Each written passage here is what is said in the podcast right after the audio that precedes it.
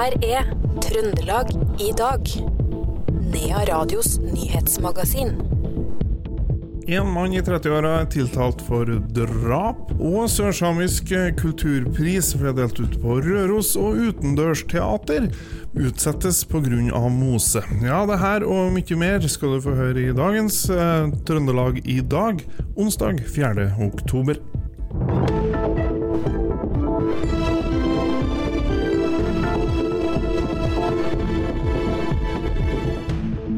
Og vi starter i Steinkjer. En eh, mann i 30-åra er tiltalt for drap og to drapsforsøk etter at han kjørte inn i ei folkemengde i Steinkjer i påska. Den 21 eh, år gamle Sigve Bremseth døde av skadene han ble påført i påkjørselen. Det er statsadvokaten som har tatt ut tiltale etter ordre fra Riksadvokaten, skriver Adresseavisa. Mannen i 30-åra er i tillegg til å være tiltalt for drap, tiltalt for drapsforsøk mot ei kvinne og en mann. Det er planlagt at rettssaka mot den tiltalte 30-åringen skal gjennomføres i slutten av oktober.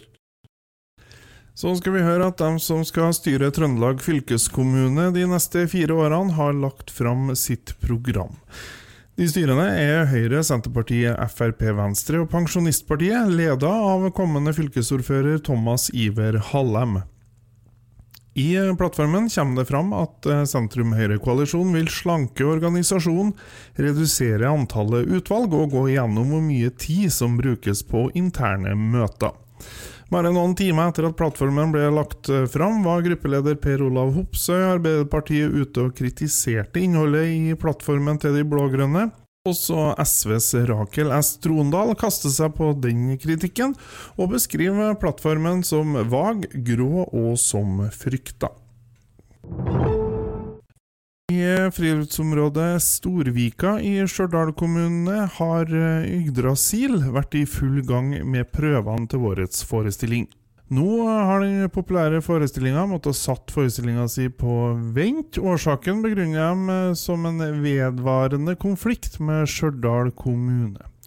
Yggdrasils eh, teatersjef Torunn Vikdal eh, fikk en mail hvor de blir ble opplyst om at teatret vil bli etterfakturert for tråkking på mose og sårbar flora på bergflatene i området. Her gir forestillinga ukjente kostnader, som gjør at de ser seg nødt til å utsette årets forestillinger. Vi vet, det, det, blir så vanskelig å forholde seg til. Eh, jeg tenker at enten sier man ja til å være et sted, eller nei. Men, eh, og hvis man skal ha de her forbeholdene eh, om at det koster et eller annet, så må man i minste fortelle oss hvor mye koster det. Det er jo unge aktører ja. som står på scenen, eller som skulle stått på scenen. Hvordan har reaksjonene vært blant ensemblet? Uh, ja, eh, når jeg får spørsmål om det, så blir jeg litt sånn skjelven. Og eh, det er litt, jeg syns det er litt vanskelig å prate om, fordi at vi som produksjonsselskap, altså vi jobber jo med det her. og det er jo jobben vår å gjøre teater og teaterproduksjon. men når vi gjør spill, så gjør vi det sammen med amatører og unge, unge, unge skuespillere som yter maksimalt for, eh, for denne forestillinga. Eh, og de selvfølgelig gleder seg, og de jobber på pugetekst og alt det der, så eh, jeg syns det er veldig vanskelig å snakke om, men det, det, er bare trist. Det sa Yggdrasils Seals teatersjef Torunn Vikdal, som ennå ikke kan fortelle når forestillinga vil bli satt opp igjen. Nordenfjelske kunstindustrimuseum i Trondheim har i over to år vært stengt for publikum. Nå åpner de sin første utstilling for publikum. Den har fått navnet Gjenfortryllet, og finner sted i TKM Gråmørna på Solsida. Og museumsdirektør Ingrid Lundan Nødseth kan fortelle hva du kan oppleve i utstillingen. Vi kan jo ikke vise hele bredden i, i samlinga på det arealet her. Eh, så vi har valgt eh, to sånne tidsakser som den utstillinga her eh, grenser rundt. Og da har vi valgt oss årene rundt 1893, når museet ble etablert. Og Der er det Arnouveau, William Morris, nydelig keramikk og møbler. Og så har vi satt det i dialog med nye innkjøp, samtidskunsthåndverk. Eh, vi har veldig mye som vi ikke har fått vist for publikum ennå. Så det, der har vi eh, laga noen sånn spennende eh, dialoger, da. Det sa museumsdirektør Ingrid Lunna Nødseth, og utstillinga kan du se i TKM Gråmørna på Solsida ut 2024. Hvert år deles sørsamisk kulturpris ut til noen som har hatt stor betydning for sørsamisk kultur. I år ble prisen delt ut på kulturfestivalen Rasten Rasta på Røros, og vinneren ble Anna Nilsine Joma Granefjell på 87 år, som gjennom hele livet har jobba for det sørsamiske språket og kulturen. Det sier Birgitta Fossum, direktør ved Seimen Seite. Den skal gis til noen som har gjort en betydende innsats for det sørsamiske samfunn. Og i år så eh, Vi fikk jo inn veldig mange fine nomineringer, men i år så valgte vi å gi denne prisen til Anna Nilsine Jåma Granefjell. Og det er en eh, verdig prismottaker, så klart? Det er en veldig verdig prismottaker. Anna har jo jobba med å styrke sørsamisk språk og kultur hele sitt liv, egentlig. Hun har jo både jobba med å undervise i sørsamisk, hun har oversatt bøker, hun har uh, gjort en god del uh, doji, som uh, er synlig både bl.a. for kirka og menighetsrådet.